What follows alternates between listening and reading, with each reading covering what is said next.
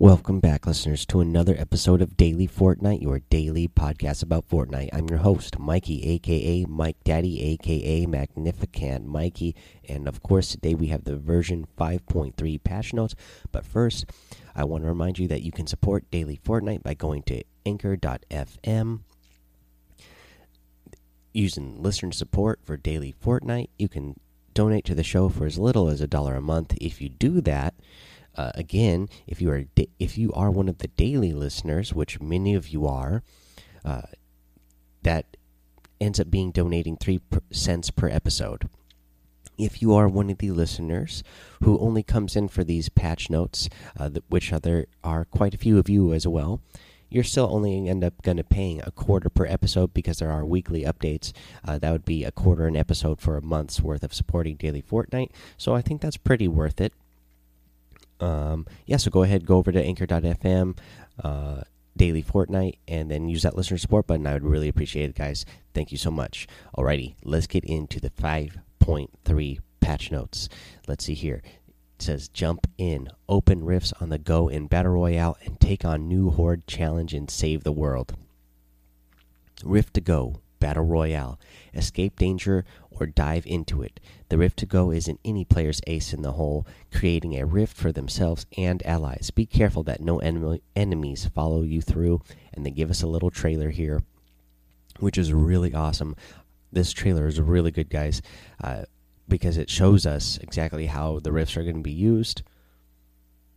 They're going to pop instantly. Uh, they even show a squad at the very end driving on an ATK, and then the the whole squad with the ATK goes through the rift that one of the one of the go one of the uh, rift to go rifts that they open up. So that is pretty awesome.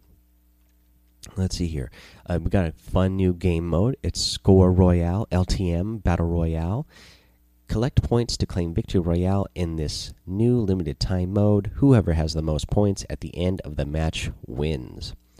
And then the Blockbuster contest winner for Battle Royale.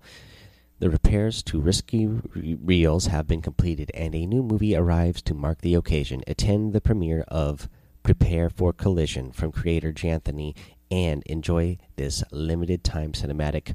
Uh, go ahead and go watch this video, guys, on YouTube. It's also it's in this post as well. Again, it's prepare for collision, or you know, go watch it in Risky Reels on the movie screen. This is going to be pretty awesome. Uh, again, I've already watched this video as well. It is a really good. Uh, the guy who made this, uh, Janthony, man, he did a really good job of making a cinematic uh, a video and made it really fun and exciting.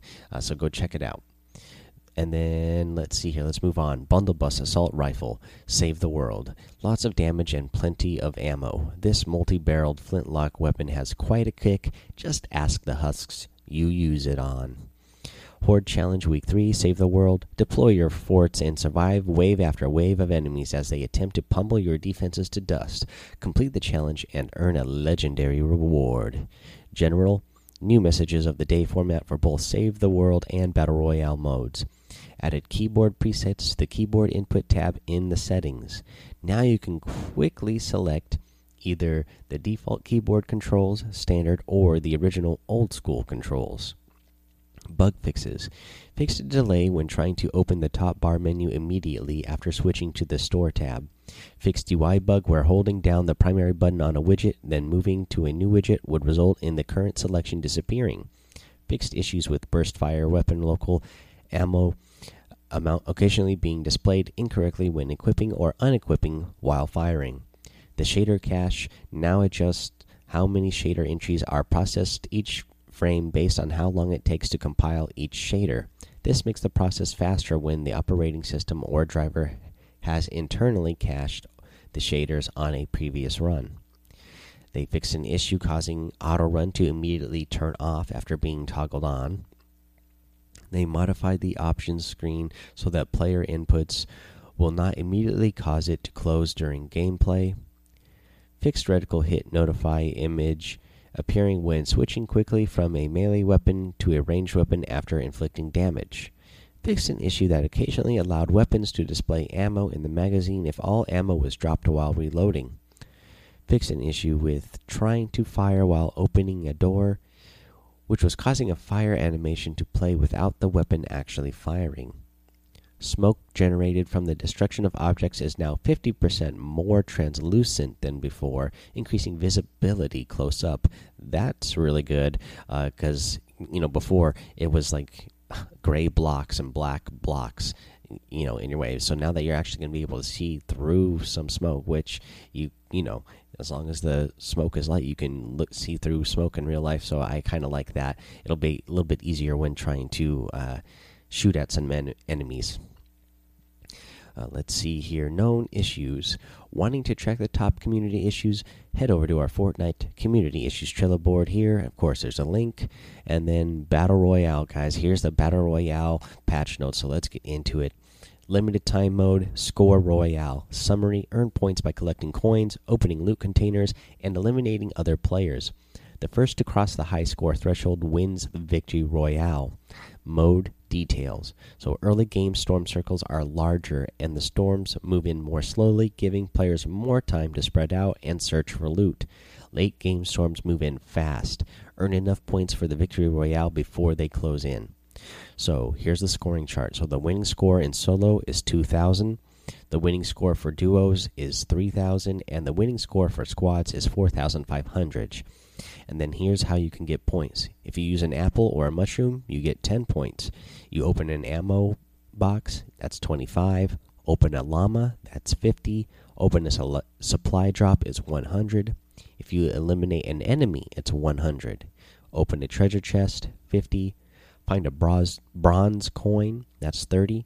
Find a silver coin is 50 and find a gold coin is 100. This game mode sounds like it's going to be a lot of fun um, because you don't have to worry about just being the last people to survive. Uh, you know, it's a race to see who can get that score. You know, everybody's going to be looking for those ammo boxes, getting mushrooms and apples. Uh, you know, opening as many things as you can, which I think is a really good uh, way to encourage people to actually, you know, not skip ammo boxes or run by things and actually, like when you're in a room, check to make sure you got everything. Okay, let's see here. So the limited time mode playground. So they say what's new? Playground has been updated with a couple dozen new ATKs available, some more ramps to jump them off of, and a handful of new rifts scattered throughout the map. Head to the hilltops and see if you can find them all. So playground is still there.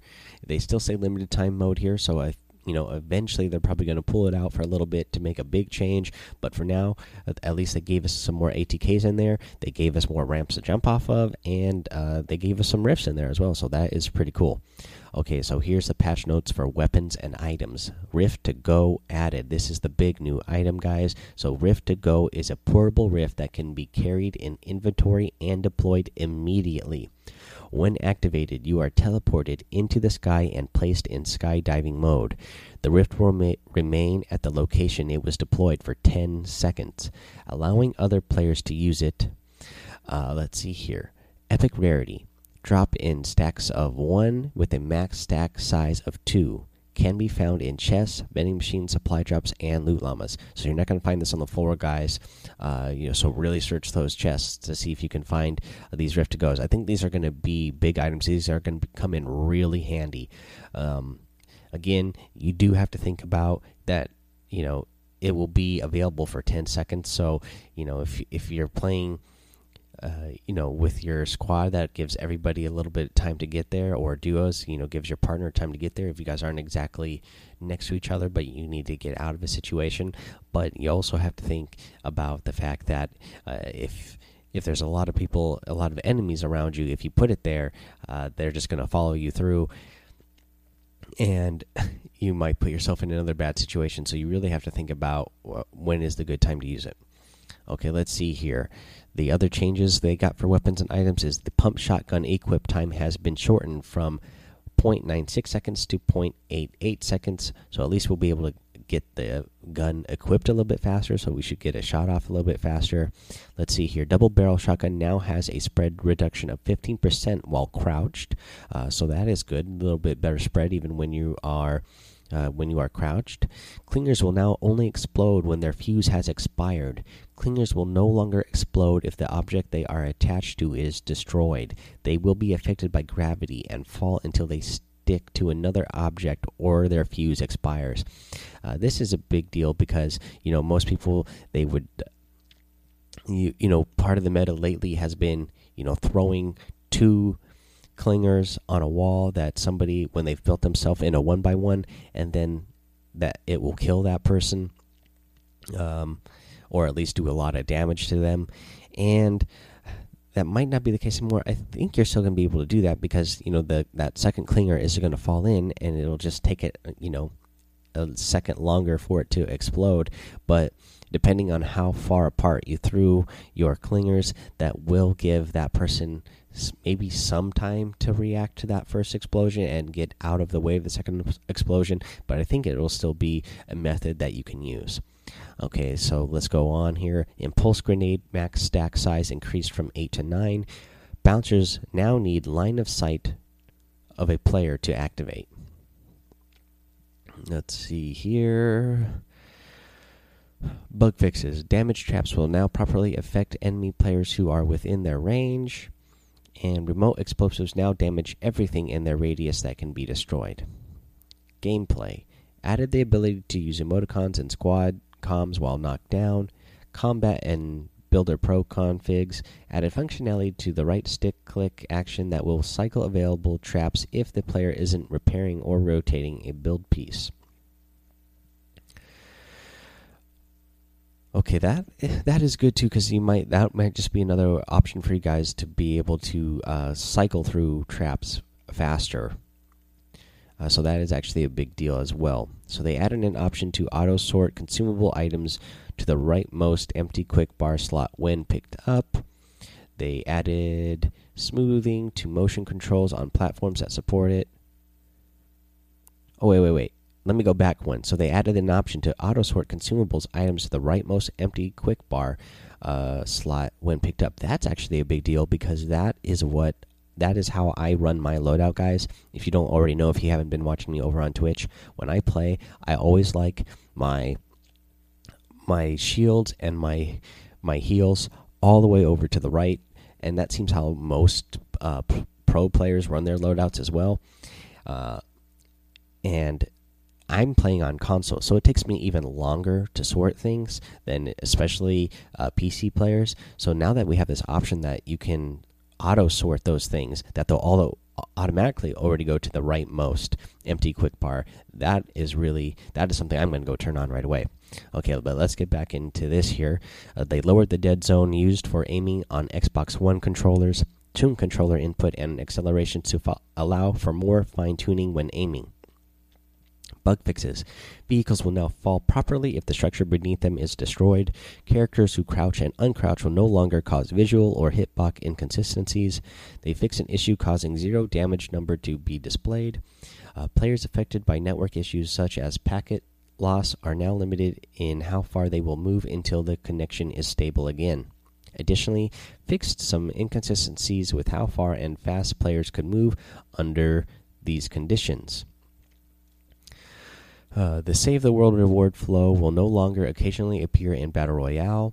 When health and shield damage occur at the same time, they will now be combined and displayed as a single shield damage number. Fixed an issue with controller aiming where the input was not properly scaled when aiming down sights or aiming with a scoped weapon. This will slightly increase sensitivity when aiming down sights or with a scoped weapon.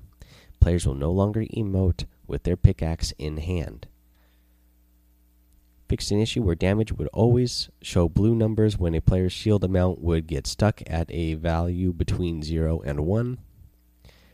Fixed some shrubs and bushes that took more swings to harvest than intended. Uh, they will now be destroyed after they the intended number of swings. Weapon will now auto reload if they are equipped and their ammo type is looted. Vending machines now display the proper costs in the playground LTM Here are the performance notes. Fix some very long hitches seen during long game sessions caused by the replay system. Optimize loading of outfits to reduce disk load during the early game, particularly skydiving. This should mean buildings and outfits load faster. Uh, they improved building streaming performance on Xbox One and Switch. This will help buildings load in more quickly during skydiving, reducing the chances of landing on a low detail model. They improved load times on Xbox One and Switch. Let's see here. Here's the audio notes. Additional stereo content has been added to your own gunfire sounds. Uh, laser chomp tail swing audio adjusted to more closely match the animation. Bug fixes. The emote music no longer breaks when playing back to back emotes. Music now plays properly when using the hang time glider.